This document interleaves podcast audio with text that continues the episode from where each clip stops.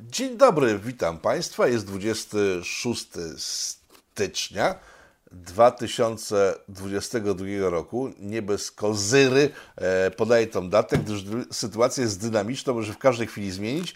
E, a tematem dzisiejszego naszego spotkania jest sytuacja na granicy ukraińsko-rosyjskiej która w ciągu ostatniego tygodnia zmieniła się tyle razy, że e, dlatego warto podać e, datę dzisiejszego spotkania. Z kim? Z doktorem Szewko oczywiście. Witam e, Panie Wojciechu. Witam Pana, witam Państwa.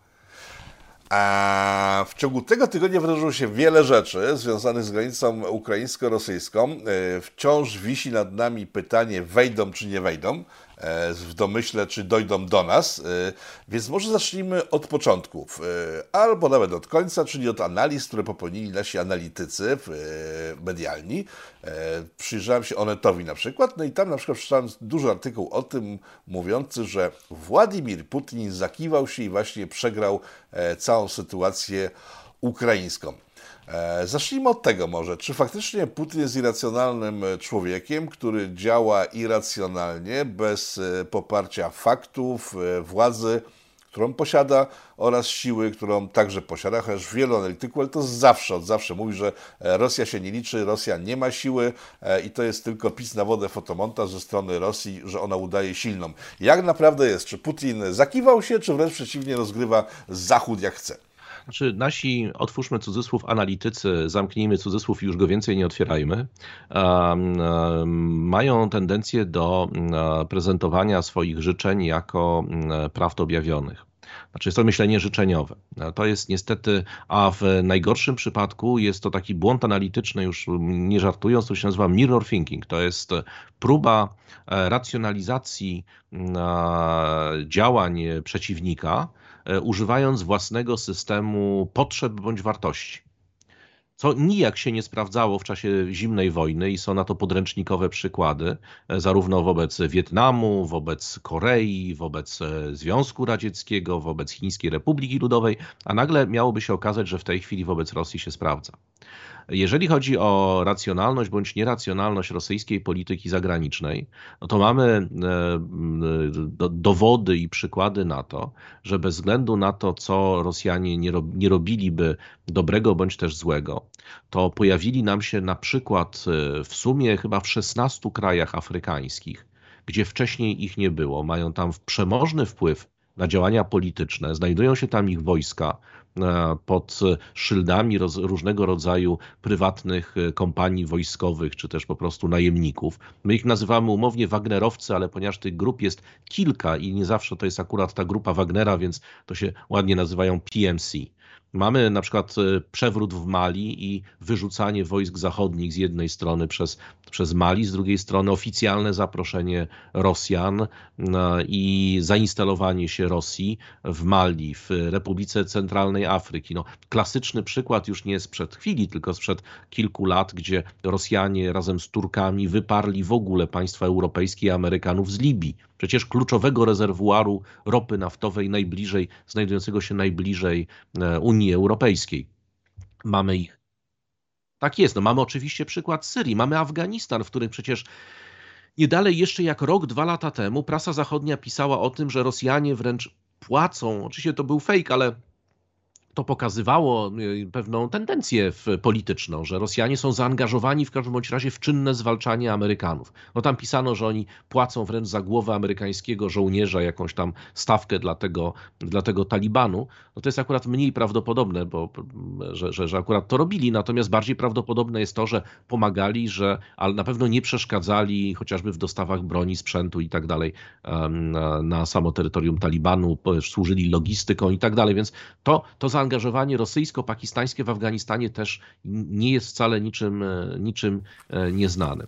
I nagle stwierdzenie... Mamy przykład z ostatnich dni tak naprawdę, z ostatnich godzin, czyli Burkina Faso, gdzie się wydarzyło tak dokładnie tak też to samo. Burkina Faso, Rosjanie... takie słynne zdjęcie tej telewizji śniadaniowej, gdzie tam tych kilkudziesięciu ludzi e, w mundurach stoi i ogłasza rozwiązanie konstytucji, znaczy rozwiązanie parlamentu i rozwiązanie rządu, ale na tych demonstracjach antyfrancuskich zdecydowanie, bo taki jest chyba wydźwięk tego, tego puczu przede wszystkim, pojawiają się też rosyjskie flagi.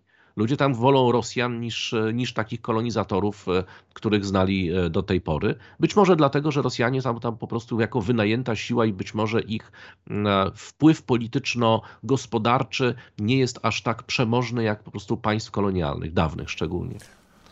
No, mamy też przykład z Europy sprzed dwóch lat dokładnie, kiedy zaczęła się w Europie e, zawierucha związana z tym, co wisi w powietrzu, kiedy Niemcy przejęli transporty medyczne włoskie i natychmiast w ciągu paru godzin, i to było zdziwiające, we Włoszech pokazały się rosyjskie ciężarówki wojskowe e, z pomocą e, sanitarną e, dla Włoch. No to jest dość przerażający obraz był i ciągle no, Ponieważ my się nie jesteśmy w stanie zdecydować, znaczy ja mówię o ludziach zachodu, nie możemy się zdecydować co do jednej kwestii. No, albo z jednej strony mówimy o permanentnym spisku rosyjskim. No, cokolwiek się nie zdarzy, to tak naprawdę jest to, to, to długie ręce GRU i Kremla, czyli, tak, czyli ten Kreml zajął miejsce synarchii albo mędrców Syjonu, którzy po prostu rządzą wszystkim i pociągają za sznurki. E, to jest, to jest jak gdyby jeden zestaw retoryki, czyli kto, ktokolwiek cokolwiek nie powie, no to jest pewnie jest rosyjskim agentem i to jest i wszystkie tak naprawdę działania są sterowane z Kremla. A, a chwilę później mówimy, że tak naprawdę to jest to, jest to jakaś e, absolutnie niewprawna maszyna, która potyka się o własne nogi, popełnia szkolne błędy. W związku z tym trudno jest się z tym zgodzić. Poza tym, Warto prześledzić, i tu właśnie można by przejść do tego drugiego punktu, właśnie w tym kontekście, całą historię tego konfliktu na Ukrainie. Zarówno tą część z 2014 roku, ja mówię o stanowiskach rosyjskich, bo stanowiska zachodnie znamy, więc nie ma sensu powtarzać tego, co znamy, co możemy sobie w prasie bez żadnego problemu przeczytać. Z tymi rosyjskimi jest już dużo gorzej. W związku z tym warto sobie przywołać przede wszystkim, jak Rosjanie postrzegali to, co się wydarzyło w 2014 roku na Ukrainie. Więc pierwszy element jest taki, i to jest jakby podstawowy, że Rosjanie no, nie uznawali tego puczu, który się dokonał, uznając go za nielegalny, prawda, niekonstytucyjny przewrót. No, nie ukrywajmy, przewroty i rewolucje nigdy nie są konstytucyjne, w związku z tym każda rewolucja jest nielegalna.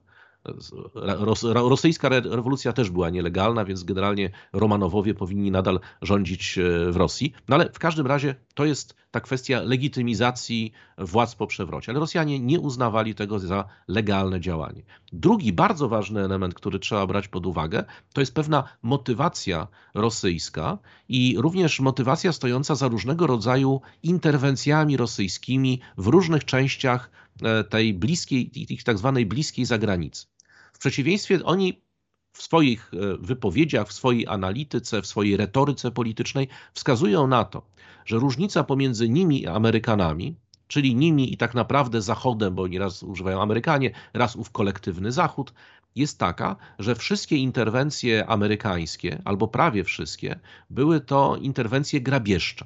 Czyli najczęściej chodziło o ropę, ewentualnie o wsparcie, już to teraz dużo rzadziej, jakiegoś lokalnego dyktatora, prawda, albo obalenie dyktatora, który się akurat Amerykanom w pewnym momencie nie podobał. Ale zwykle tutaj ten czynnik ekonomiczno-grabieżczy czy neokolonialny był podstawowy. Rosjanie natomiast y, twierdzą, że ich motywacje są inne. Znaczy, że oni, i tutaj niestety trudno jest im nie przyznać racji w tej jednej kwestii, że oni zwykle, jako tego, ten główny pretekst e, do interwencji, używali kwestii ochrony ludności rosyjskojęzycznej.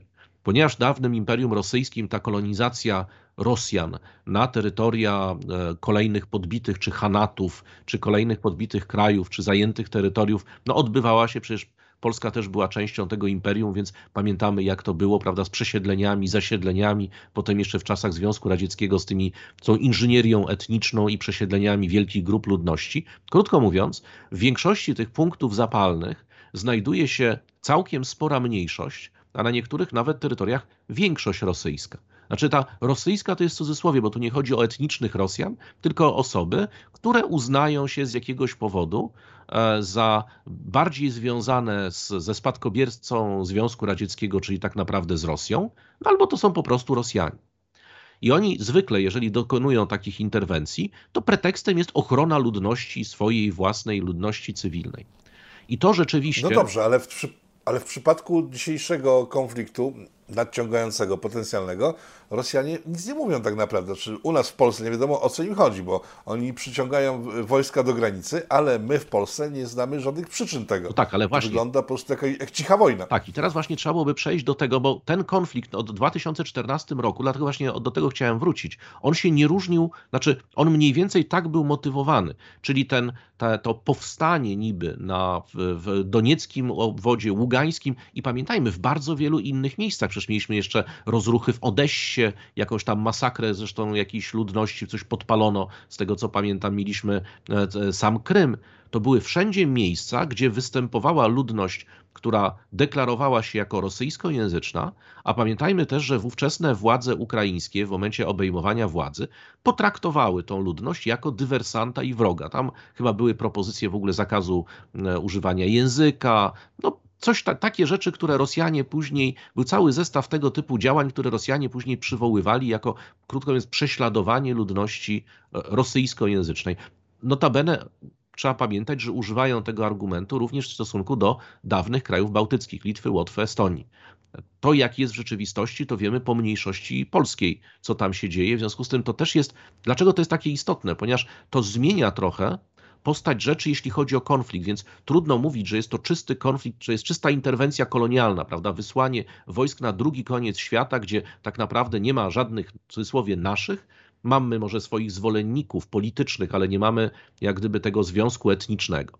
No Rosjanie od czasu, pamiętamy, od czasu Imperium Rosyjskiego też kiedyś sułtanowi proponowali, że wezmą pod ochronę miejsca święte e, w Jerozolimie, bo wtedy car uznawał się za e, opiekuna wszystkich prawosławnych, prawda? Więc może wtedy nie Rosjan, tylko prawosławnych chroniono. Więc to jest trochę inny rodzaj interwencji. I wtedy właśnie ta Republika Doniecka i Ługańska przecież powstawały jako owe broniące się przed tym zalewem ukraińskiego faszyzmu idącego z Kijowa. I stąd, co prawda, Rosjanie twierdzą, że tam rosyjskich wojsk absolutnie e, nie ma, nie było, no ale powiedzmy sobie szczerze, e, to e, jest mało prawdopodobne, żeby aż tylu, tyle nagle bardzo nowoczesnego sprzętu, artylerii, specjalistów od ich obsługi i tak dalej znalazło się wśród, wśród rezerwistów z kopalni w Doniecku. No, to są oczywiście oczywiste bajki. Więc chodzi o to w każdym razie, że ten, ten etos, etos e, obrony ludności rosyjskojęzycznej jest ważnym elementem działań rosyjskich, również skierowany nawet do wewnątrz i to jest jak najbardziej aprobowane. No tak samo jakbyśmy, gdybyśmy mieli rząd prowadzący jakąś politykę zagraniczną, to obrona polskich obywateli gdzieś, na przykład polskich mniejszości poza granicami, pewnie byśmy to docenili. No, tego nie ma nigdzie, więc i nigdy nie było, więc my tego nie doceniamy, ale jakby jakiś rząd się któryś zdecydował bronić, to pewnie byśmy to docenili. Więc to jest też istotny element tej układanki, który pomijamy w, we wszystkich tych rozważaniach. No i teraz przejdźmy do tego aktualnego konfliktu, żeby nie przeciągać. Żebym, że tak mówię... No właśnie, bo co się, co się wydarzyło, że po 8 latach, 8 lat temu e, Rosjanie użyli zielonych ludzików, e, w ich wersji językowej brzmi jakoś inaczej. Wierzliwy je ludzie, oni to nazywają. Wierzliwi je ludzie. Czuli, bar, czuli barbarzyńcy. Tak, no, tak, tak. To delikatni ludzie albo wrażliwi ludzie. Mhm. Mają taką słynną, właśnie tu widać za mną fragment przynajmniej ich e, takiego loga. To logo się zresztą pojawia też często z małym czarnym kotkiem. E, to jest z żartu. A skąd czarny kotek? Słucham? Skąd czarny, czarny kotek? kotek skąd? Ponieważ minister Szojgu w 2014 roku został zapytany, czy są rosyjscy żołnierze na Krymie, tam w Doniecku, Ługańsku, ale wtedy pytano akurat o Krym. I on odpowiedział, że ci, którzy próbują znaleźć rosyjskich żołnierzy na Krymie, to tak jak ci, którzy próbują znaleźć czarnego kota w pokoju, gdzie nie pali się światło. I tego kota mhm. absolutnie nie zobaczą, chociaż tam jest, mhm. prawda? I to był ten... No dobrze, to skoro w 2014 użyli czarnych kotów, e, żeby rozpocząć ekspansję na Ukrainę, to co się wydarzyło, że dzisiaj, po 8 latach, całkiem otwarcie zbierają wojska przy granicy ukraińskiej, bo to coś musiało się wydarzyć. Wydaje mi się, że tutaj sytuacja jest trochę inna. To znaczy przynajmniej powiedzmy, znowu pokazujemy punkt widzenia rosyjski. Tak? Nie oceniamy dobry, zły, tylko po prostu pokazujemy, jak mniej więcej Rosjanie to przedstawiają i jak o tym myślą. No, pierwszy element jest taki, że zarówno nowy rząd e, ukraiński, bo mamy nowy rząd ukraiński, jak i mamy również nową administrację amerykańską. Otóż nowy rząd ukraiński zaczął i robi to dosyć intensywnie, prawdę powiedziawszy. Zaczął e, po pierwsze mówić o tym, że te porozumienia mińskie, które tak naprawdę sankcjonują pewne status quo w tej chwili, jeśli chodzi o te dwie republiki, czyli DNR, LNR, prawda, czyli Doniecką i Ługańską, takie nazywajmy już, nie mówmy tam samozwańcze, tam tereny terrorystyczne, DNR i LNR. Te dwie republiki um, no, pozostają tak naprawdę pod kontrolą rosyjską w taki czy inny sposób. W związku z tym rząd ukraiński doszedł do wniosku, że czas, ponieważ ten format miński się przeżył, jest należy go zmienić i w domyśle odzyskać po prostu swoje własne terytorium. Tym bardziej, że no jest to terytorium Ukrainy. Notabene Rosja też tego nie kwestionuje. W związku z tym rząd ukraiński zaczął się w międzyczasie po pierwsze zbroić, i zaczął to robić e, dosyć intensywnie, ponieważ no, armia ukraińska, pomimo tego, że jest wielkim eksporterem broni, dużo większym niż Polska, to z drugiej strony jest jednak armią stosunkowo nienowoczesną i nie posiadającą różnego rodzaju nowoczesnych zabawek, które są niezbędne na polu walki. E, ośmielona ta również Ukraina, chociażby sukcesami tureckimi w różnych tureckiej, tureckich, powiedzmy, tureckiego sprzętu w różnych miejscach. Po pierwsze, zaczęła kupować drony tureckie, które się bardzo dobrze sprawdzały, przynajmniej tak to Turcja reklamowała, w zderzeniu z różnymi tam rosyjskimi systemami e, obrony przeciwlotniczej. Na to jest ta przewaga w powietrzu jednak powoduje współcześnie wygrywanie konfliktów. Ar Armenia, Azerbaj Azerbejdżan, bardzo dobry przykład.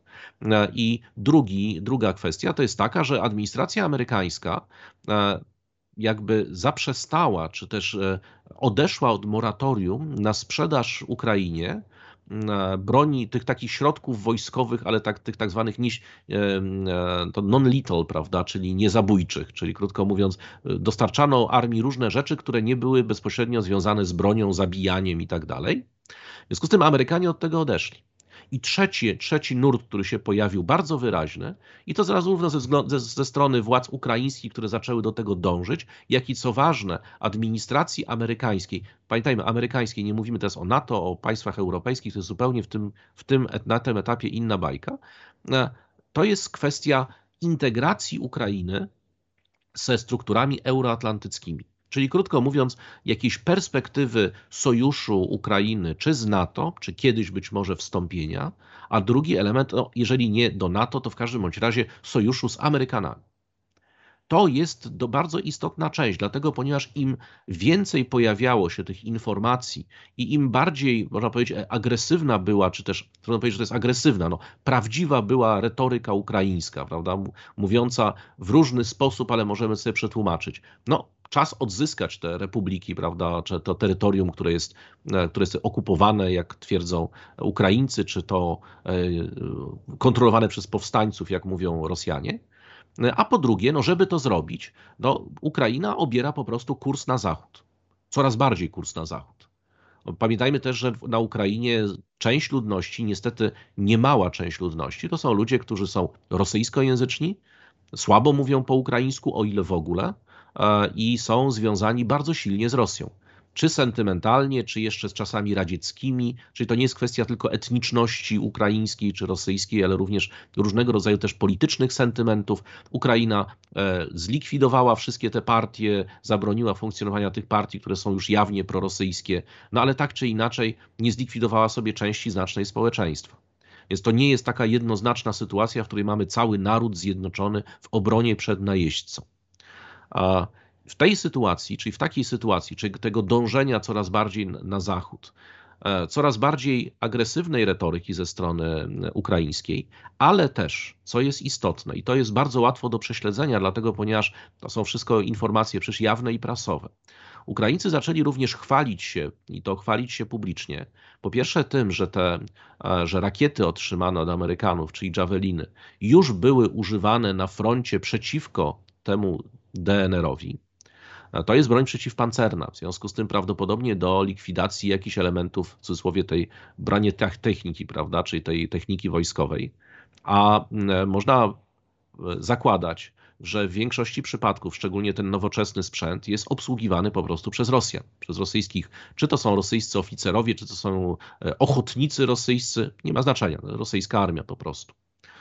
I drugi element to jest e, pokazywanie, i to pokazano na wideo, które też jest dostępne w internecie. Chwalono się, jak użyto po raz pierwszy tych dronów e, tureckich do niszczenia stanowisk artylerii. No i te stanowiska artylerii prawie na pewno mm, są obsługiwane przez żołnierzy rosyjskich. W związku z tym Rosjanie wyjątkowo e, brutalnie reagują na wszystkie takie właśnie próby zabijania ich żołnierzy. No, przypomnijmy, że jak Turcy im raz zabili trzech oficerów w Syrii, to tego samego dnia samolot zabił pięćdziesięciu kilku członków elitarnej brygady. Po prostu zbombardował na płasko budynek i tam nikt nie przeżył. W związku z tym, krótko mówiąc, Rosjanie mniej więcej w ten sposób reagują. E, I ten zbitek, jak gdyby zbitek e, takich czynników, powiedzmy, które są bilateralne, czyli rosyjsko-ukraińskie, musimy też nałożyć na e, to, co się dzieje już poza tymi dwoma krajami, czyli przede wszystkim na prezydenturę e, Bidena, na zmianę warty po prostu w Białym Domu. I nawet nie sama zmiana warty, moim zdaniem, miała jakikolwiek tutaj wpływ na to, co się dzieje, ale przede wszystkim ta, bo prezydentura Bidena w założeniach przynajmniej, zanim Biden został prezydentem, wszyscy byli przekonani, że o ile no, o nim można mówić różne rzeczy, ale on przychodzi z niezwykle mocną ekipą, jeśli chodzi o zaplecze w sprawach stosunków międzynarodowych.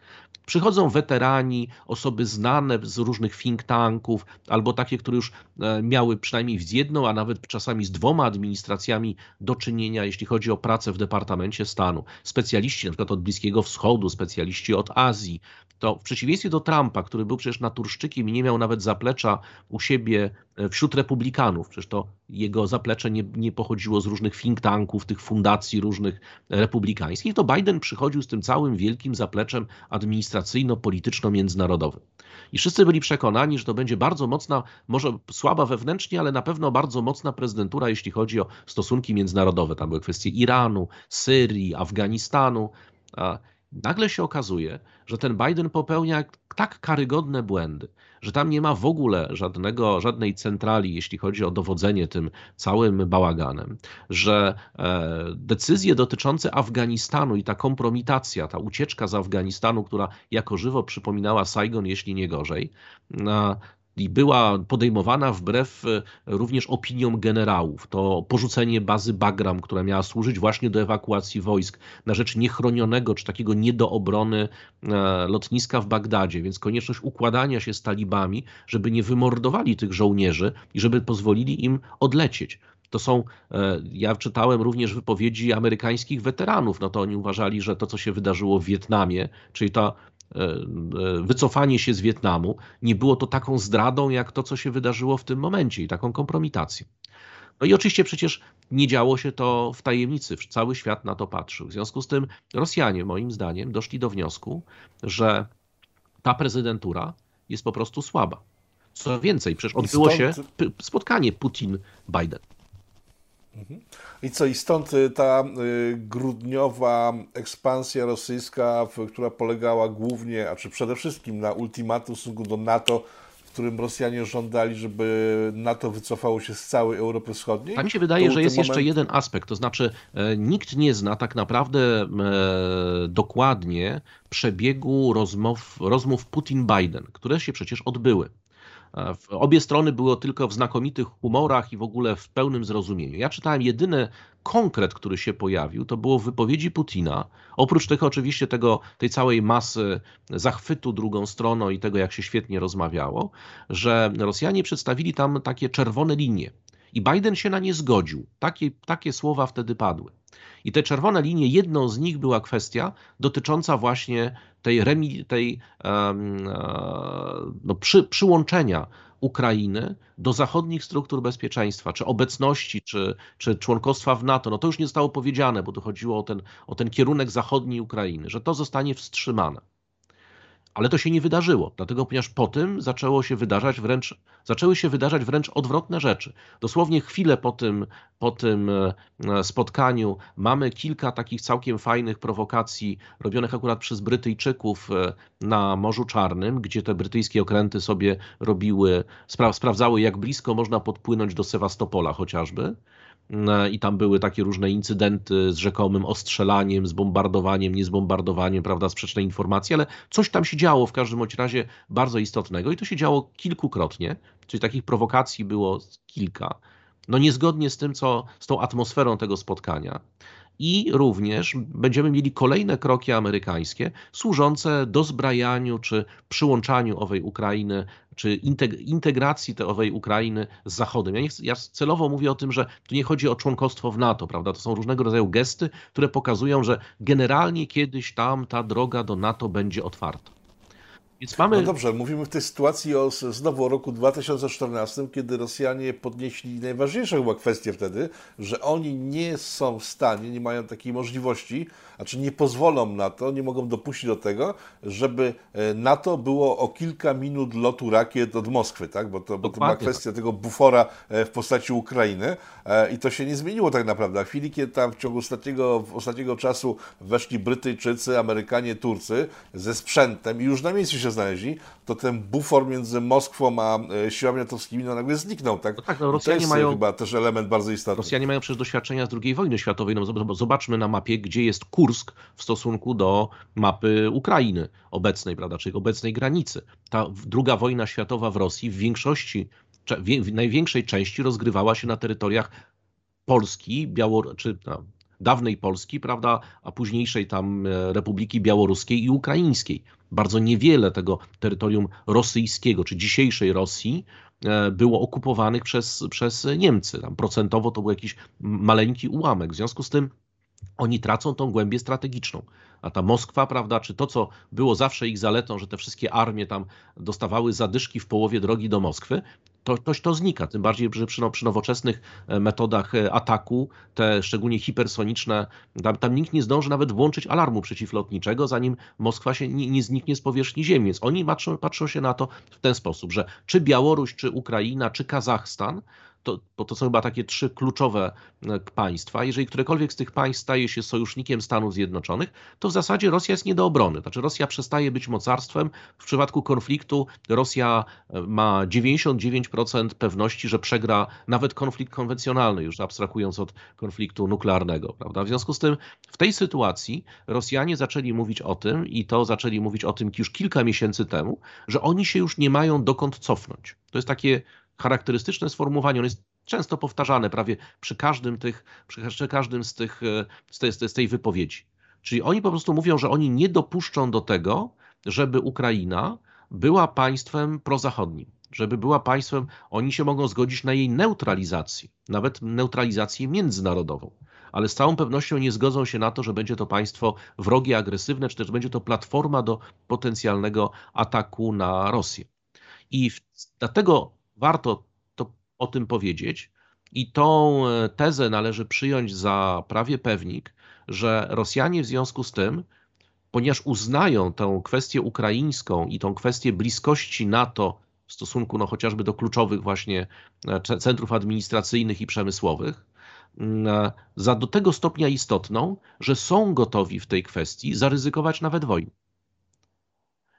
Nawet wojnę taką, która no właśnie do czego doprowadzi, bo to już jest zupełnie inna kwestia, ale są gotowi wyeskalować e, spór do krawędzi konfliktu i jeżeli, tą, jeżeli nie będzie zgody, to są w stanie tą, bez problemu tą krawędź przekroczyć, dlatego ponieważ przywołują oni tutaj, i tutaj też no, trudno się nie zgodzić z, tą, z, ty, z tym porównaniem, no, wojska rosyjskie stojące na granicy meksykańsko-amerykańskiej na rakiety na Kubie. No to jest mniej więcej coś takiego.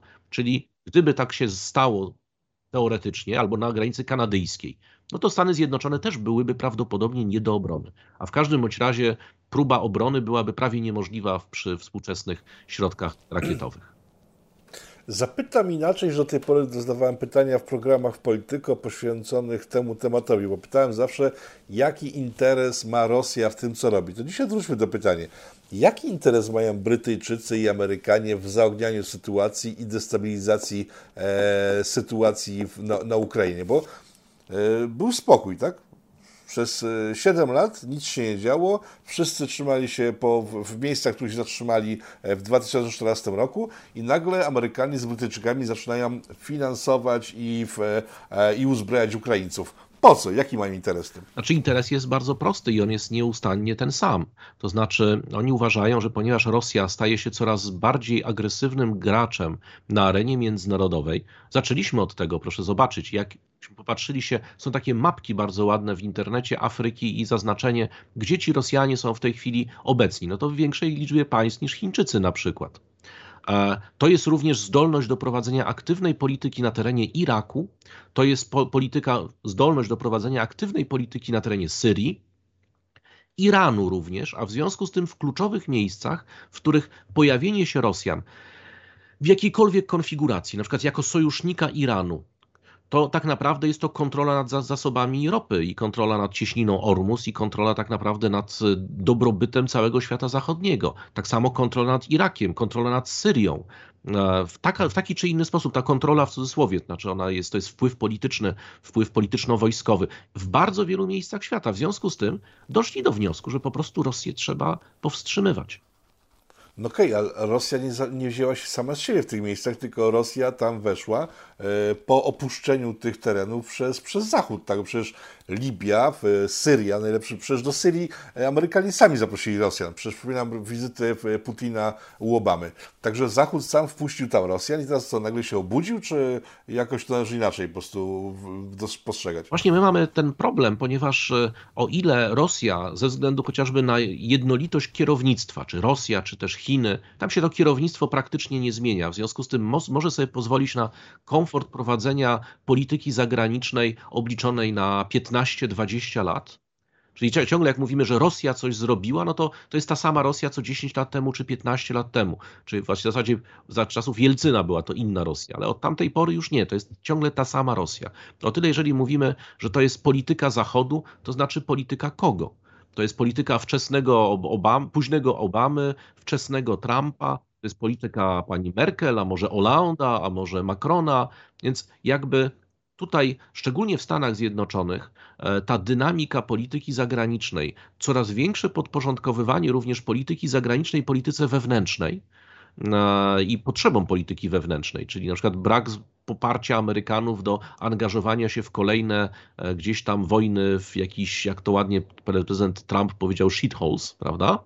A, e, i, I zresztą na tym zresztą zrobił furorę właśnie, na tym izolacjonizmie, na powiedzeniu, że wycofujemy się z tych wszystkich teatrów wojen, gdzie prowadzimy, że to są setki miliardów dolarów, które mogłyby być przeznaczone chociażby na opiekę zdrowotną w Stanach Zjednoczonych. I w pewnym momencie amerykańskie społeczeństwo mówi dosyć, więc ta amerykańska polityka zmienia się i zmieniała wielokrotnie. No przecież jakby nie było wycofanie przez Obamę wojsk z Iraku, e, to jest chwilę później powstaje państwo islamskie, bo pozostawia w ręku proirańskich, szyickich przywódców kraj, w którym oni pierwszą rzeczą, którą próbowali zrobić, to wziąć odwet zarządy Saddama Husajna na sojusznikach Stanów Zjednoczonych, czyli na sunnickich milicjach, które zostały wyposażone przez Amerykanów do walki z Al-Kaidą skazanie byłego wiceprezydenta, czy ówczesnego wiceprezydenta, jego ucieczka do Turcji, skazanie go na śmierć.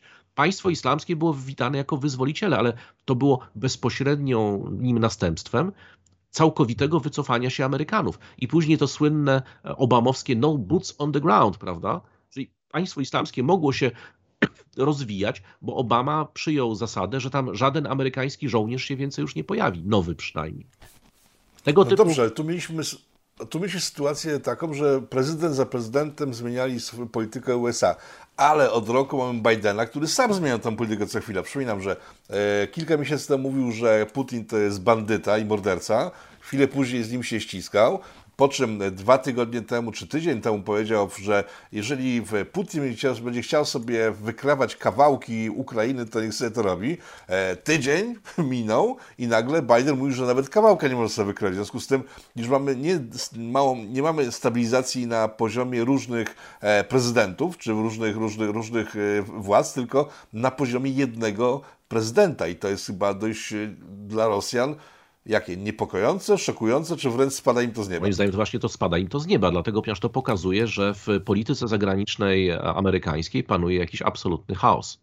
I że, I że to jest prezydentura słaba, a w związku z tym, i to jeszcze prezydentura, która deklaruje, że priorytetem jest zupełnie inny teatr geopolityczny, czyli tak naprawdę Azja, i jakaś rozgrywka z Chinami, a w związku z tym widząc to, widząc po pierwsze tak podział i słabość Europy, no, nieustanny podział i słabość Europy. To nie jest nowa choroba.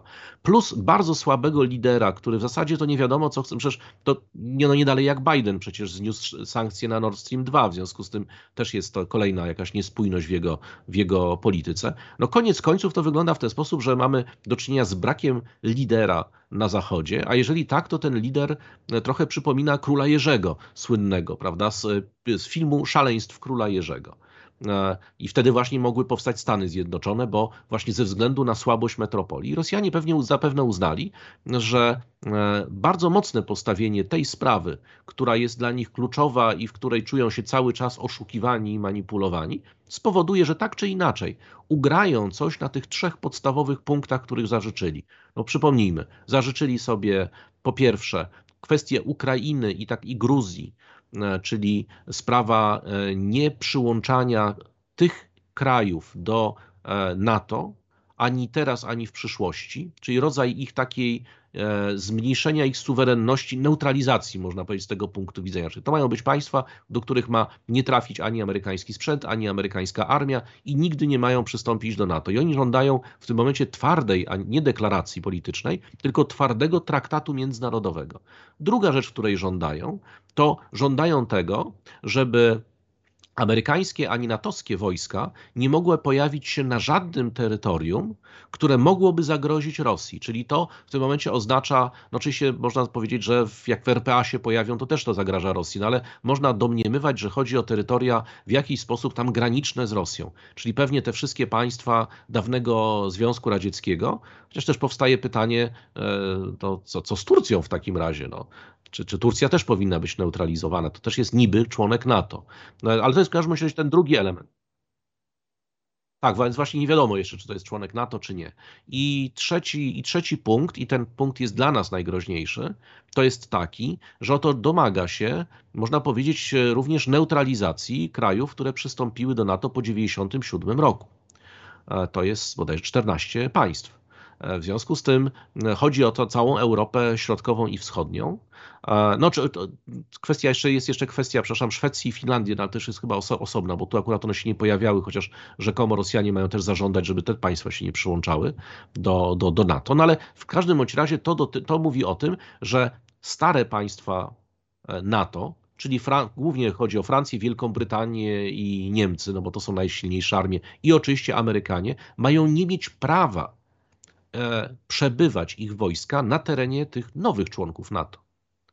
Co by oznaczało tak naprawdę, że NATO przestaje istnieć, bo wtedy te państwa są nie do obrony. Czyli powstaje kategoria, cała wielka grupa, mi się wydaje, że to będzie dwadzieścia kilka państw co najmniej, państw niesuwerennych, takich państw, których tak naprawdę decyduje o nich koncert mocarstw i rozmowy pomiędzy dwoma potęgami, Stanami Zjednoczonymi i, e, i Rosją, i gdzieś tam pałętającymi się Europejczykami.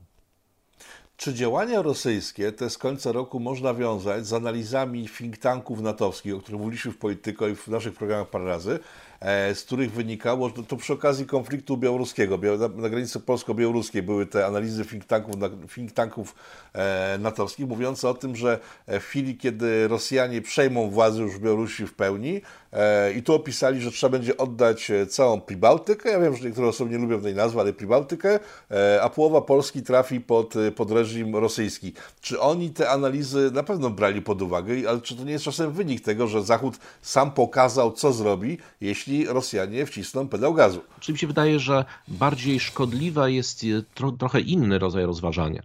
Otóż e, w rozważaniach korporacji RAND, która jest taką najbardziej znaną korporacją piszącą dla Departamentu Stanu i Departamentu Obrony, od lat zresztą, pojawiły się takie sugestie, ale one są nie ich wymysłem.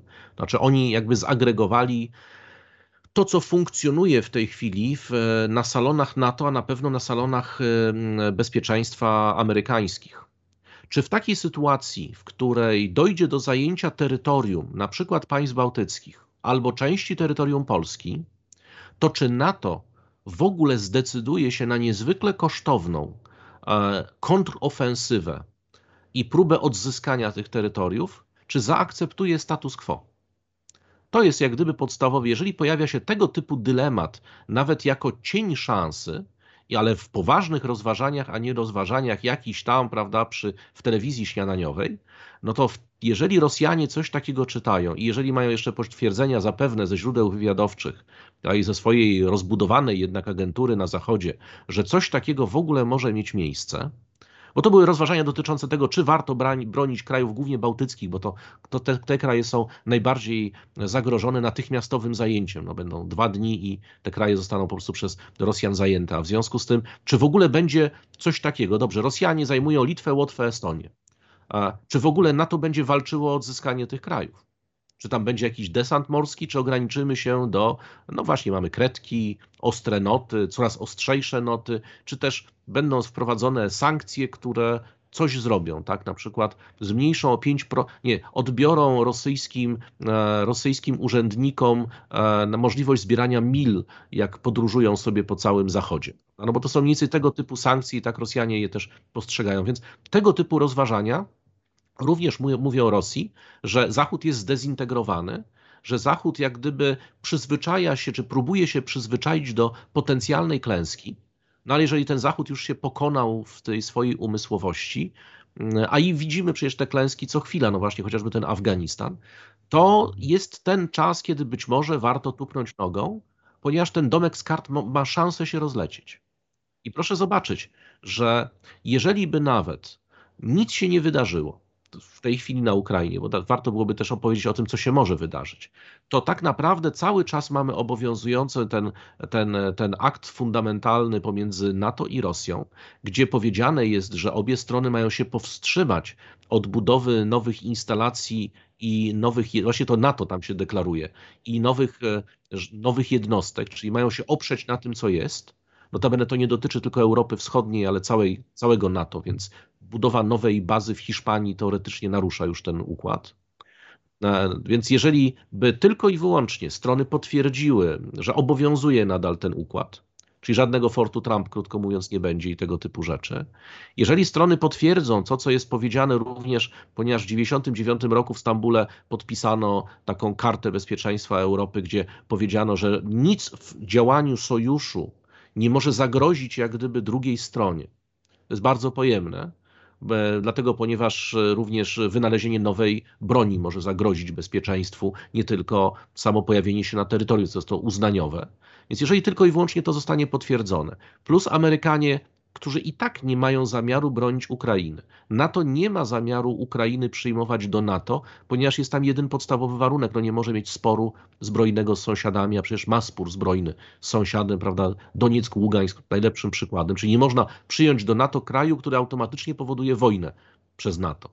W związku z tym jakby to i tak jest spełnione, w związku z tym tak naprawdę potwierdzenie li tylko i wyłącznie tego faktu dotyczącego głównie Ukrainy i być może Gruzji, wystarczy już za całkowite zwycięstwo.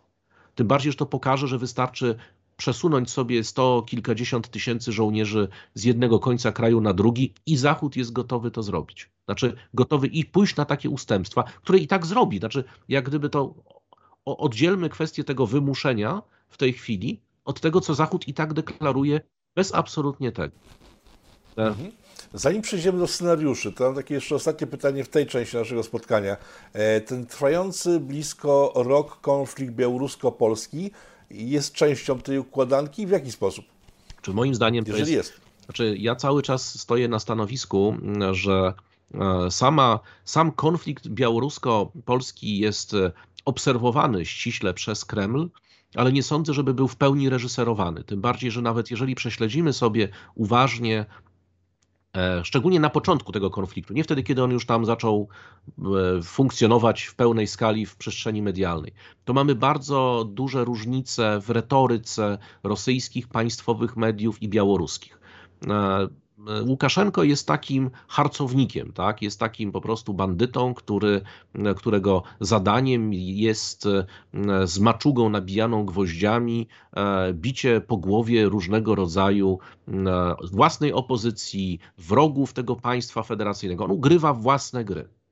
E, wydaje mi się, że początek przynajmniej kryzysu migracyjnego mocno zaskoczył Rosjan, a w każdym razie widać było, że było to wyraźnie nie w smak. Te, tam były dosyć ostre wypowiedzi, na przykład e, Pieskowa i tak dalej, które pokazywały, że on psuł być może również tą układankę ukraińską. Znaczy, nagle powodował, że zamiast Rosja zajmować się sobą, zajmowała się kryzysem na granicy polsko-białoruskie. Czy w Rosji to jakby było niespecjalnie do czegoś potrzebne, a Łukaszence tak, bo Łukaszenko w, tej, w ten sposób pokazywał, że on jest jedynym gwarantem realizacji interesów rosyjskich w tej części świata. W związku z tym Rosjanie, chodźcie na pomoc, prawda? Polacy mnie biją, zaraz tutaj wejdą, zapraszam wasze wojska, Niech to związkowe państwo powstanie. Pamiętajmy też, że na Białorusi mamy też e, nową konstytucję przyjmowaną i mamy cały czas proces, czy też próby przekonania Białorusinów do tego, że e, inkorporacja przez Rosję, tak, czy połączenie w państwo związkowe, co, co będzie oznaczało dokładnie to samo,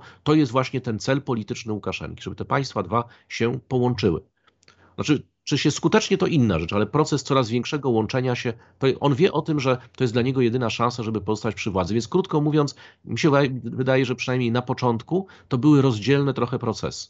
No ale potem, jak się już okazało to, co się wydarzyło, okazało się, że Polacy tutaj się nie ugięli, że również Zachód się nie ugiął, co najważniejsze. Niemcy, prawda, że się nie ugięły. Merkel, która została, odesz- została bardzo szybko podziękowała jej, jej nowe władze. To pokazało, że, e, że jednak Zachód jest zintegrowany, i to był pierwszy niepokojący, powinien być pierwszy niepokojący dla Rosjan sygnał, że w takiej sytuacji, która, przepraszam, ale była w sumie dosyć trywialna, no nie porównujmy dwóch tysięcy Kurdów na polskiej granicy e, ze 120 tysiącami żołnierzy, czy tam sto kilkudziesięcioma, bo to jest chyba ich coraz więcej z każdym dniem, tysiącami rosyjskich żołnierzy na granicy z Ukrainą. No, te dwa tysiące Kurdów jakby nawet przeszło tą granicę, to byśmy ich nawet nie zauważyli.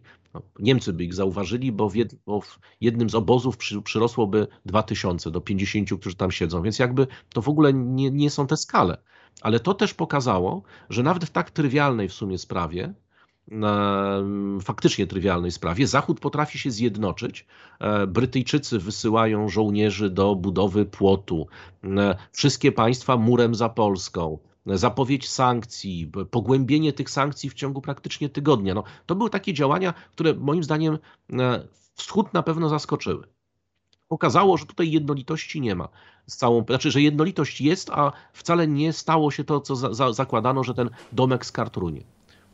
No tak, ale w efekcie mamy rosyjskie wojska blokowane w tej chwili przez białoruskich hakerów, którzy e, zablokowali białoruskie koleje, żeby uniemożliwić Rosjanom e, przedostanie się transportowo na granicę białorusko-ukraińską. Więc e, czy wcześniej było to możliwe, żeby Rosjanie sobie przerzucali wojska przez Białoruś, czy, czy raczej nie? Znaczy było to możliwe jak najbardziej, ponieważ mają układ o wzajemnej obronie i tutaj Łukaszenko przecież zapraszał te, woj te wojska za każdym razem. Przecież mieliśmy i na ćwiczenia Zapad, potem mieliśmy te bombowce, które latały nad naszą granicą na zaproszenie w czasie tego kryzysu migracyjnego. W związku z tym tak, oczywiście mogą to robić. Takie ataki hakerskie, one są oczywiście bardzo, bardzo, bardzo fajnym sportem, no ale one wiadomo, że nie zatrzymają tej armii, tak? No to, że im popsują jakieś tam grafiki, to Rosjanie są e, bardziej analogowi niż cyfrowi, jeśli o to chodzi. Są w stanie przejść na łączność analogową, na e, długopis i, i kartkę i pewnie też sobie dać radę. Więc jakby nie, nie, nie to, to nie są Stany Zjednoczone skomputeryzowane od strychu do piwnic. Ale z drugiej strony no mamy w tej chwili sytuację taką, w której nie tylko na terytorium rosyjskim, ale również na terytorium białoruskim stoi całkiem spora armia. Teraz nie wiadomo tylko jednej rzeczy, czy ta armia stoi po to, żeby pokazać Ukraińcom, że e, w zasadzie wtedy Kijów jest do zajęcia w ciągu jednego dnia, czy też pokazywać Polakom również, że wszelkie pomysły na tem, e, związane z jakąś agresywną agresywnym wsparciem dla Ukrainy, bo chyba Polska jest jedynym krajem, który jest e, z, Unii Europejskiej, który jest skłonny w jakiś bardziej czynny sposób Ukraińcom pomagać, mm, e, spotka się po prostu z tym, że jeżeli polskie, polscy żołnierze pojawią się w Lwowie, to, to białorusko-rosyjscy pojawią się w Białymstoku albo w, albo w Warszawie. Tak, więc no to jest takie szachowanie trochę. Przecież te, podstawa tej grupy, która przynajmniej teoretycznie, która ma tutaj ćwiczyć, to jest Brześć i i, i na, na, na Grodno i Brześć, prawda, czyli no najbliżej polskiej granicy. Mhm. E, padła kwestia Solidarności Europejskiej, która pomogła e, przy kryzysie białorusko-polskim.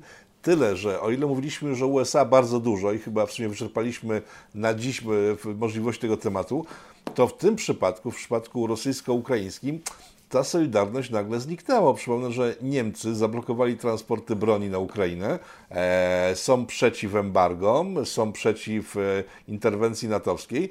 E, jednocześnie, ja nie wiem jak w tej chwili, ale jeszcze kilka lat temu Niemcy sprzedawali broń do Rosji, szkolili rosyjskich żołnierzy, budowali tam bazy. Tak było jeszcze przynajmniej w 2014. No więc ta solidarność europejska się zachwiała, bo z jednej strony są Amerykanie, którzy twardo stawiają kwestie ukraińskie, a z drugiej Niemcy, którzy nie, o, nie w, w nieoczywisty sposób, ale jednak są po stronie rosyjskiej. Tak, to znaczy tutaj no to się y, przejawów tego było bardzo wiele. Zresztą w czasie tego naszego kryzysu też pani Merkel, która nagle dzwoniła do Łukaszenki, została bardzo potępiona przez własny obóz polityczny, już nawet nie przez własne państwo, ale przez własne zaplecze polityczne. E, więc ona zaprzestała tych prób, ale był taki moment. E, natomiast nowe władze niemieckie e, jak najbardziej kontynuują tą politykę. Znaczy, Niemcy uważają, że z Rosjanami trzeba rozmawiać. Rosja jest potencjalnie dla Niemiec. No, gdybyśmy nie mieli tam Władimira Putina, wyobraźmy sobie, na próbę, mielibyśmy jakiegoś neutralnego e, przywódcę ani przyjaciela, ani wroga. No to wiadomo, że dla gospodarki niemieckiej zaplecze surowcowe z jednej strony, a z drugiej strony gigantyczny rynek zbytu dla niemieckich towarów Rosja jest rzeczywiście źródłem potęgi. Znaczy w tym sensie, że jeżeli ten rynek rosyjski w pełni by się otworzy, otworzył dla Niemców, no to Niemcy prawdopodobnie mogliby już spokojnie rywalizować sobie z Amerykanami czy z Chińczykami jako ta podstawowa potęga e, międzynarodowa. Zresztą tak w tym kierunku to zmierzało jeszcze przed 2014 roku. Właśnie te, te już wielkie kontrakty na Syberii, te kontrakty dla armii, ta budowa tych, tego centrum dowodzenia, no i, i dziesiątki innych przykładów, Zresztą podobnie jest z Białorusią, przecież tam ambasador niemiecki miał najwięcej do powiedzenia przez lata, a nie jakikolwiek inny, jeśli chodzi o relacje z Białorusią. Więc tutaj Niemcy sobie ten, tą, tą, ten, ten, ten Drang nach Osten wyznaczyli w ten sposób dokładnie. E, Rosja, Białoruś to są, to są kierunki ekspansji polityczno-gospodarczej. I nagle pojawiają się Amerykanie, którzy to wszystko próbują zepsuć. I wydaje mi się, że ten, ten niemieckie, te niemieckie nie jest podyktowane również tym, że Niemcy oglądają dokładnie te same obrazki, które Rosjanie i uważają, że, e, że ta prezydentura Bidena jest skrajnie chaotyczna. Przypomnijmy sobie, że przecież to, to, nagłe wycofanie się, nawet nie skonsultowanie tego ze sojusznikami, spowodowało wtedy, ja pamiętam dokładnie, że zarówno Francuzi, jak i Niemcy, a nawet Brytyjczycy otwartym tekstem zaczęli mówić na przykład o konieczności budowy armii europejskiej. I to nie dlatego, że ona miała być silniejsza niż natowska, tylko tam wyraźnie padało jedno sformułowanie, że my nie, jest, nie możemy być uzależnieni od kaprysu jednego człowieka który to kaprys nagle powoduje, że całe nasze bezpieczeństwo, cały nasz system pada jak domek z kart. Więc ta nieufność dla, do Amerykanów jest powszechna również w, w Europie, jak również to, czy przypadkiem oni się zastanawiają, czy przypadkiem właśnie to Amerykanie nie wciągają Europy w kolejną awanturę. Przypomnijmy, że poprzednio za Trumpa Amerykanie wciągnęli Europę, właściwie przymusili Europę do awantury z Iranem w imię tak naprawdę obrony interesów przede wszystkim Izraela. To były przecież dziesiątki miliardów euro, które straciły europejskie firmy. Zresztą polskie też coś straciły, bo przecież myśmy też mieli jakieś tam już interesy, koncesje wiertnicze i tym podobne z Iranem, ponieważ Trump sobie jednego dnia wprowadził sankcje. Więc oni trochę chyba postrzegają też Stany Zjednoczone jako takiego awanturnika.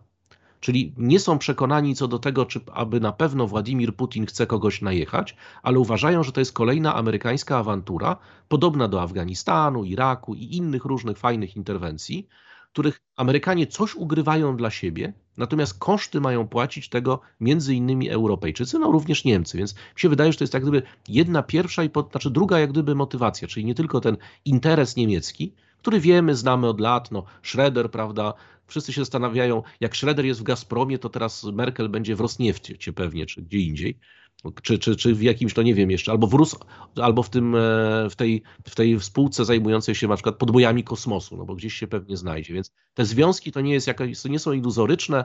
Zresztą słyszeliśmy tego znakomitego admirała, którego zdymisjonowali. Bardzo mi się podobało, że on właśnie powiedział w tych Indiach, posłuchałem tej jego konferencji, że my razem, my chrześcijanie, prawda, bo on jest katolikiem, więc my chrześcijanie razem z chrześcijańskimi Rosjanami powinniśmy najechać na Chiny, bo to są poganie. No więc być może też to jest, jakby nie było, to jest dowódca marynarki, a nie jakiś nawiedzony, znaczy był, tak, a nie jakiś nawiedzony e, lokalny fanatyk, powstaje pytanie, jakie poglądy ma jego zastępca, jakie poglądy ma dowódca sił lotniczych, prawda? Więc jakby ten, ta relacja niemiecka... Znaczy, jakie są plany niemieckie tak naprawdę, bo on opisał, wyglądało to, że opisuje oficjalne niemieckie plany, tylko za głośno to zrobił. Tak właśnie powstaje, że wszyscy spekulują, czy za to, co powiedział, czy za to, że, powie, że, że, że to miała być tajemnica, tak? Więc krótko mówiąc, Niemcy mają swoją agendę, i ona jest dlatego również, przynajmniej w moim przekonaniu, coraz bardziej oderwana od tej agendy euroatlantyckiej, nie ze względu na to, że nagle Niemcy sobie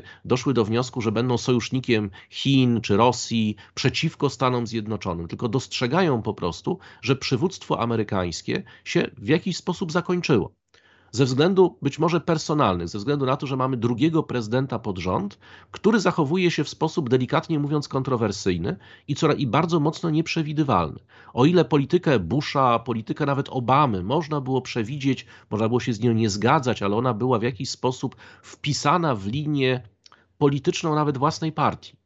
O tyle przecież Bidena no, nie, nie rozumieją sami demokraci, nie bardzo wiedzą tak naprawdę nawet jak reagować. No, mamy głosowania w kongresie, w których demokraci zgłaszają e, ustawy, one są pacyfikowane przez demokratycznego prezydenta. Właśnie to, głównie te właśnie związane z Ukrainą, żeby, żeby nie, nie drażnić Rosji. Więc to są w ogóle jakieś takie działania, które mogą każdemu racjonalnemu politykowi, który dba o interes własnego kraju, sugerować, coś się zepsuło w Waszyngtonie. W związku z tym, no oczywiście, oczywiście dla nas to jest to, to, żadne pocieszenie, no, że Niemcy mają taką politykę, ale warto po prostu za każdym razem zastanowić się, e, nawet krytykując czyjeś, e, czyjeś e, poczynania, tak naprawdę czym on jest zmotywowany. No skąd się to, to znaczy oczywiście można łatwo odpowiedzieć, że właśnie dzisiaj kolejny przywódca oszalał, prawda, czy też wstał lewą nogą, więc doszedł do wniosku, że zmieni politykę zagraniczną o 180 stopni, ale na, najczęściej polityka międzynarodowa większości krajów jest bardzo silnie racjonalna. To, że nam się nie wydaje racjonalna, to najczęściej dlatego, ponieważ nie, nie wiemy wszystkiego. No ale gremialnie uznaje się Bidena, prawda, no wiemy, no o Bidenie mało kto mówi o tym, że jest to najbardziej racjonalny, popularny i generalnie skuteczny polityk. No, zdaje mi się, tam te jego rankingi popularności pikują w dół jak kamikadze w tej chwili. Ojej, a może jest tak jak za Cartera, kiedy to, wtedy Brzeziński był tam doradcą Cartera, kiedy to mówiono wprost, że w, no, w Białym Domu jest więcej Rosjan i agentów KGB niż na Kremlu. To może jest kwestia tego, że no, Biały Dom został tak mocno zinfiltrowany przez Rosjan, że robi to, co chcą Rosjanie. Ale tak, yy, mamy tak, mamy e, na granicy rosyjsko-ukraińskiej setki tysięcy żołnierzy, mamy potencjalny konflikt, o którym nie wiadomo, e, co myśleć w tej chwili. E, przedstawiliśmy scenografię tak. tego całego konfliktu, e, przyczyny, sojusze, interesy, to przejdźmy do tego takiego no, wróżenia trochę ze szklanej kuli. E, jakie są scenariusze rozwoju sytuacji? Czy Rosjanie wkroczą na całą Ukrainę? E, przedstawiliśmy opcję taką, że mogą nawet do Warszawy wkroczyć, tak? Ale czy oni tam wkroczą? Jeżeli wkroczą, e, to w, w jakim zasięgu? Czy może jest to tylko blef? E, także wreszcie odpowiedzieć na pytanie z początku programu, czy Putin e, się zakiwał? Znaczy, wydaje mi się, że ja mam e, już na podstawie, już, ponieważ nie mamy czasu na te wszystkie rozważania, żeby przedstawić całą tą, tą nić rozumowania, ja mam pewną tezę. Oczywiście ona może być absolutnie nieprawdziwa, ale ona wynika e, z, po pierwsze z przeczytania kilku takich poważniejszych analiz, ale również e, wypowiedzi rosyjskich, które nie są przypadkowe. No, jeżeli ktoś wypowiada się przewodniczący Dumy czy, czy, czy minister spraw zagranicznych, to nie jest tak jak u nas, że wychodzi do kamer i mówi, co mu tam w duszy zagrało akurat, tylko najczęściej to są komunikaty, które wiedzą o tym, że odczytują giełdy, odczytują e, Ministerstwa Spraw Zagranicznych. Jest to brane na poważnie. Pentagon, tak jest, nie wiedzą, czy kopać schrony, prawda, czy nie kopać tych schronów u siebie, więc jakby to są dosyć poważne wypowiedzi. I z tych, jak zestawimy sobie te wszystkie wypowiedzi, to prawdopodobnie, tak przypuszczam, e, w ciągu ostatnich kilku przynajmniej dni, po pierwsze zaczęły się pojawiać jedna nitka retoryki, mówiąca o tym, że Ukraińcy koncentrują wojska chociaż koncentrują, wydaje mi się, że te wojska ciągle tam stoją, że oni koncentrują wojska przede wszystkim nie na granicy rosyjskiej, tylko na granicy tych dwóch samozwańczych republik, prawda, czyli Donieckiej i Ługańskiej. To jest pierwszy bardzo ważny komunikat. Drugi jest taki, że Rosja mówi, że nie zamierza wkraczać na Ukrainę, prawda? Chyba, że zostanie sprowokowana, to jest też druga, drugi element w jakiś sposób, czyli jeżeli Ukraina na przykład zaatakuje czy najedzie, no to wiadomo, że tak, Ale to proste jest do wykonania, bo wystarczy prowokacja jakaś mówiąca o tym, że to Ukraińcy zaatakowali, także ten scenariusz Ale może być rozegrany w ciągu paru Ale, Panie redaktorze, co gorsza, przecież na tej linii tego styku, prawda, pomiędzy wojskami ukraińskimi i tych dwóch, e, te, te, i wojskami rosyjskimi, już krótko mówiąc, w tych republikach, przecież do incydentów dochodzi codziennie praktycznie od początku tego konfliktu, a nawet parę razy dziennie. Wystarczy po prostu jeden z tych incydentów, czyli nie przestać strzelać po 15 minutach, tylko go po prostu wyeskalować. I tutaj, i to są incydenty z obu stron, więc nie ma jak gdyby, znaczy być może może nie wiem, czy nawet jest potrzeba robienia jakiegoś tam, jakiejś radiostacji, tak, zajmowania jak kiedyś w Gliwicach, tylko po prostu wystarczy wykorzystać to, co się tam zwyczajnie dzieje, któryś z tych ostrzałów, odpowiedzieć większym ostrzałem albo odpowiedzieć jakimiś mocniejszymi ruchami i tak oskarżyć stronę ukraińską o, o, o, o prowokację, czy, no i tutaj będziemy mieli obronę. I wydaje mi się, że na podstawie tych wszystkich jak gdyby elementów, wydaje mi się, że najbardziej prawdopodobny w tej chwili scenariusz jest taki, że dojdzie do jakiegoś w cudzysłowie ataku e, ukraińskiego, działania agresywnego wobec tych dwóch republik, i Rosjanie przede wszystkim wprowadzą wojska do tych dwóch republik, które, no umówmy się, gdyby Ukraińcy tak bardzo chcieli i tam nie byłoby Rosjan, to pewnie by zajęli je też w ciągu powiedzmy kilku dni, gdyby poszli na taką pełnej skali ofensywę. Czyli krótko mówiąc, Rosjanie wejdą tam. Teraz powstaje tylko jedno pytanie. Co zrobią dalej Ukraińcy? Czy się na to zgodzą. No i jeszcze, przepraszam, dodatkowy element, zapewne dojdzie też do kilku korekt tej linii granicznej, ponieważ pamiętajmy, że to nie zajmują te przecież republiki całych obwodów Ługańskiego i Donieckiego. Więc być może również te, ci powstańcy pójdą trochę kawałek dalej, zajmą jeszcze jakieś tereny. Powstaje pytanie, jak zareaguje na to armia ukraińska. No, można, są dwa, dwie możliwości. No, po prostu będzie się przyglądała temu, ale druga możliwość jest taka, że będzie walczyć. To znaczy, że nie, nie dopuści do tego, żeby coś takiego się wydarzało. Szczególnie gdyby dochodziło do takich korekt. I to może być dopiero podstawą do dużo większej interwencji, która wtedy przynajmniej te trzy obwody, tak naprawdę, czyli Ługański, Doniecki i Charkowski, przyłączy w jakiejś tam konsekwencji do Rosji. Czyli tam rosyjskie wojska wejdą. Tam, gdzie mają pewność również, że przynajmniej część, jeżeli nie znaczna część ludności cywilnej, poprze tą interwencję, gdzie, będą, gdzie mają szansę być witani kwiatami, krótko mówiąc. Zresztą ukraińskie źródła też mówią o tym, że tu się wskazuje, że na przykład Charków mógłby być takim miastem kolejnym zajętym, ponieważ w Charkowie znaczna część tej ludności e, to jest ludność, która e, może poprzeć jak najbardziej Rosjan.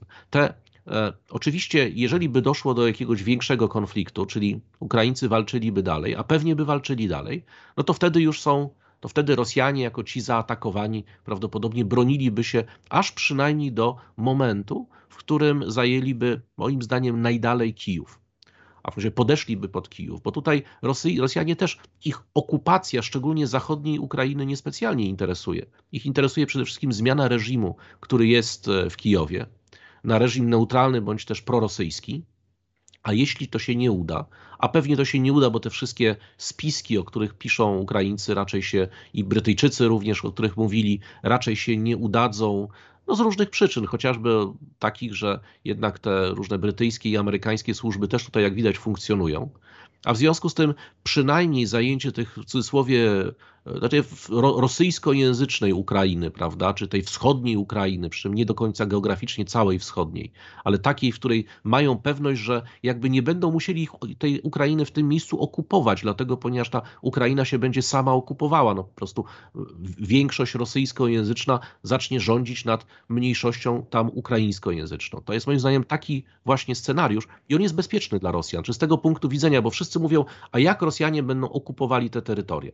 No tak, no ale to by zakładało, że to terytorium jest jak gdyby zamieszkałe przez ludność całkowicie wrogą, a tutaj właśnie nie mamy tej. Im, im dalej na wschód, tym mamy mniej wrogą, można powiedzieć. Mhm. Dobrze, ale Ługańsk i Doniec to jest daleko od, od, od Sewastopolu, od Krymu. Tak, to jest, to jest... kwestia to jest ten wariant kwestia... maksimum, znaczy rzeczywiście, ale musieliby zająć wtedy jeszcze Hersoński i Zaporowski, z tego co Nie, pamiętam. W związku z tym to już jest sporo, to już jest, to jest e, cztery razy dalej by musieli dojść niż w tej chwili zdaje mi się są, czy nawet więcej razy. To już jest spory kawałek terenu i to już jest scenariusz na wojnę w pełnej skali. Czyli krótko mówiąc, gdyby no to... doszło do eskalacji tego konfliktu, to rzeczywiście wtedy pewnie te wojska prawie na pewno poszłyby na Kijów i prawie na pewno wzdłuż wybrzeża Morza Czarnego, robiąc jak gdyby z Morza Azowskiego przede wszystkim wewnętrzny basen rosyjski. Mhm. Czyli co, reasumując, jeżeli dojdzie do eskalacji, takiej mini eskalacji, to będzie to przed to będzie dopiero to przedsmak tego, co czeka nas za rok, za dwa, za kilka lat, bo Rosjanie uzyskując sukces w takiej małej wojence będą chcieli jeszcze odzyskać sobie dostęp do, do Krymu. E, jeżeli dojdzie do dużej eksplozji w agresji z obu stron w tej chwili, granica rosyjsko-ukraińska skończy się e, pod Kijowem. E, jest scenariusz taki, że nic się nie wydarzy? Znaczy jest taki scenariusz, że się nic nie wydarzy, dlatego ponieważ być może Rosjanie pewnie zakładają, że krótko mówiąc albo Zachód, albo sama Ukraina pęknie. To znaczy przecież Ukraińcy też podejmują jakieś próby, bo wiedzą o tym, no słyszą o tym, że Biden już powiedział, że nie będzie żadnych wojsk natowskich na Ukrainie, czyli Ukraina będzie krótko mówiąc walczyła sama. I to jest tylko kwestia tego, te, ta broń, która jest przerzucona na Ukrainę, to jest tylko kwestia trochę zwiększenia strat rosyjskich ale przy tej ilości żołnierzy to jest tylko i wyłącznie trochę. To, co jest ważne, to jest jeszcze ważna rzecz, której, którą pomijamy. Otóż są analizy, takie już tym razem poważniejsze, one są mało fabularne. E, to są analizy ukraińskie, które pokazują, że w tej chwili przynajmniej, e, znaczy dzisiaj wojna nie wybuchnie. Ale dlaczego? Dlatego, ponieważ mówią o tym, że Rosjanie, proszę zobaczyć, jak oni ta, ta, cała eskalacja tego konfliktu e, przebiegała w ten sposób, że Rosjanie najpierw przerzucali sprzęt. Mieliśmy te eszelony jadące z czołgami. Potem dopiero zaczęli się tam pojawiać żołnierze, którzy mają do tych czołgów wsiadać.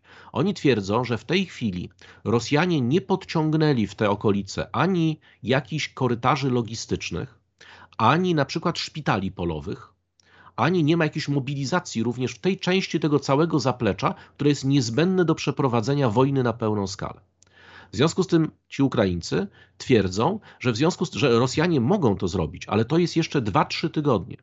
Czyli tyle jeszcze potrzebują, żeby zbudować sobie autentyczną zdolność. I druga rzecz, którą twierdzą, że te 120 kilka tysięcy żołnierzy to jest za mało na wojnę w pełnej skali to jest na jakąś niedużą interwencję, no właśnie tej skali typu Donieck, Ługańsk, być może Charków, to jest jak najbardziej tak. Natomiast na taką wojnę, w której mamy front, ten front się posuwa gdzieś tam na zachód, mamy oblężenie Kijowa, mamy później zajęcie wschodniej zachodniej Ukrainy, to tych żołnierzy jest, tych sił jest zdecydowanie za mało. I co więcej, Ukraińcy twierdzą też, że nie są przerzucane w te rejony wojska takie najbardziej oczywiste, czyli krótko mówiąc, z tego południowego e, okręgu wojskowego e, i te armie, które tam są, tam jest 14 grup armijnych reprezentowanych, ale to nie są te armie. Znaczy, to jest jeszcze, czyli to nie są pełne armie, które byłyby zdolne do tego typu pochodu.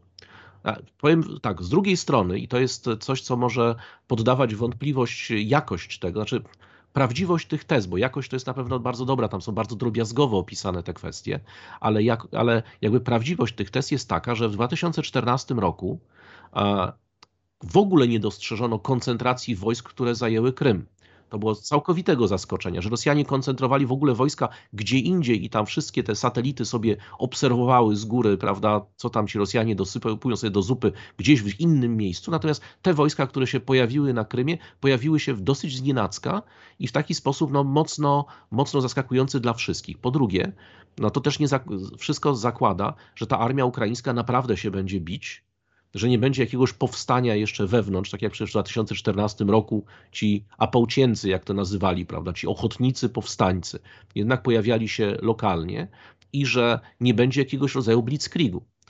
Czyli zakłada się, że ta armia, że to będą jakieś fronty, które się będą przesuwały. No, są też analizy mówiące o tym, że Rosjanie chociażby uderzeniem rakietowym są w stanie tak zniszczyć, tak zdezorganizować e, armię ukraińską, że cała reszta to będzie po prostu przejażdżka. No, będą walczyli być może z jakimiś grupami partyzanckimi, ale taka regularna armia, która tam czołg w czołg będzie walczyła, jakaś rekonstrukcja bitwy pod Kurskiem, po prostu nie będzie czegoś takiego, ponieważ ta armia zostanie przez lotnictwo i przez, i przez e, wojska rakietowe zniszczona całkowicie. Czyli z jednej strony bardzo prawidłowe są te analizy ukraińskie, z drugiej strony Rosjanie wielokrotnie udowadniali, i to jest, ja mówię już o doświadczeniach z czasów zimnej wojny, są podręczniki, my uczymy studentów na przykład na takim przedmiocie intelligence, są bardzo dobre zachodnie podręczniki, gdzie pokazuje się na przykład znakomite zresztą błędy zachodniego wywiadu, brytyjskiego albo amerykańskiego. Czy jak Rosjanie, wiedząc o tym, że są podglądani, podsłuchiwani, analizowani, specjalnie tworzyli scenariusze. No taki scenariusz był, przepraszam, to tylko powiem jako ciekawostkę, bo akurat dotyczył Sewastopola i generalnie południowej Rosji, gdzie specjalnie trzy czy cztery bombowce strategiczne latały sobie robiąc kółka, e, niewidoczne oczywiście z ziemi, e, nad jakimś tam miejscem, gdzie przebywali, przebywał amerykański dyplomata, po to tylko, żeby on napisał raport, że Rosjanie mają kilkadziesiąt bombowców strategicznych, co spowodowało rozwój programu bombowców, e, który był absolutnie niepotrzebny, bo Rosjanie mieli trzy.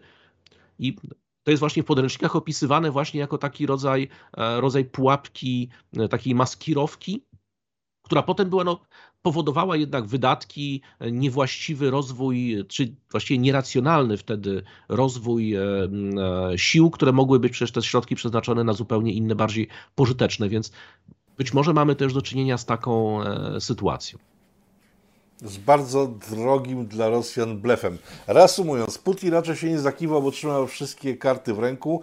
E, I ostatnie pytanie w takim razie, w jakim czasie należy się spodziewać rozwiązania dylematu, wkroczą czy nie wkroczą? To będzie kilka dni na najbliższych, tydzień, dwa, miesiąc, czy może się wszystko może roz, roz, roz, rozpłynąć gdzieś jak mgła jakaś? Oficjalnie wszystkie te wojska, włącznie z wojskami na Białorusi i z tymi, które teraz sobie, tymi okrętami, które gdzieś sobie popłynęły w różne części świata, to jest początek lutego, czyli to jest, można założyć, że w ciągu dwóch do trzech tygodni no te wojska będą musiały wrócić z tych planowych ćwiczeń. W związku z tym teraz jeszcze udają ćwiczenia. Więc można założyć, że te, przez te kilka tygodni to się wszystko rozstrzygnie. Tym bardziej, że zakłada się to również, że ze względów chociażby pogodowych dla Rosjan dużo bardziej e, ciekawy są te, jest ten okres, kiedy ta ziemia jest zamarznięta, kiedy te czołgi sobie mogą jeździć niezależnie od systemu dróg, a nie przez różnego rodzaju błota i, i, i roztopy, które będziemy mieli na dzikich polach, prawda, nie, nie, nieuchronnie. Więc e, wydaje mi się, że to jest ten, ta perspektywa. Oczywiście może być też taka, taka sytuacja, w której to napięcie będzie utrzymywane, ale proszę zobaczyć, jak bardzo Ławrow Putin nalegają na tą pilną, pisemną odpowiedź od Amerykanów. To nie dlatego, że oni się, tak czytamy u niektórych analityków, że błagają o to, tylko po prostu oni potrzebują tego rozstrzygnięcia dla swojej własnej reakcji, tego excuse'u, prawda? Dlaczego robimy to, co robimy. Zresztą tam są różne pomysły, no nie wiem, czy pan redaktor widział, e, gdzie kilkukrotnie potwierdzali, a znaczy nie potwierdzali, nie zaprzeczali w kwestii wysłania swoich rakiet balistycznych do Wenezueli i na Kubę, czyli powtórka z rozrywki tego, co było. Ja przypuszczam, że możemy mieć do czynienia również z tego typu działaniami, czyli takimi, które w realny sposób mogą zagrozić na przykład Stanom Zjednoczonym. I wtedy my zabieramy znowu rakiety z Kuby, wy zabieracie swoje wojska z Ukrainy. No, tego typu scenariusze też są jak najbardziej możliwe. Coś jeszcze możemy dodać, czy to zamyka temat chwilowo? Wydaje mi się, że to już jest, wyczerpaliśmy siebie i temat e, w 100%. Okej. Okay. E, państwa moim gościem był dr Wojciech Szewko. Dziękuję panie Wojciechu bardzo serdecznie i zapraszam na kolejne programy. Dziękuję bardzo za zaproszenie.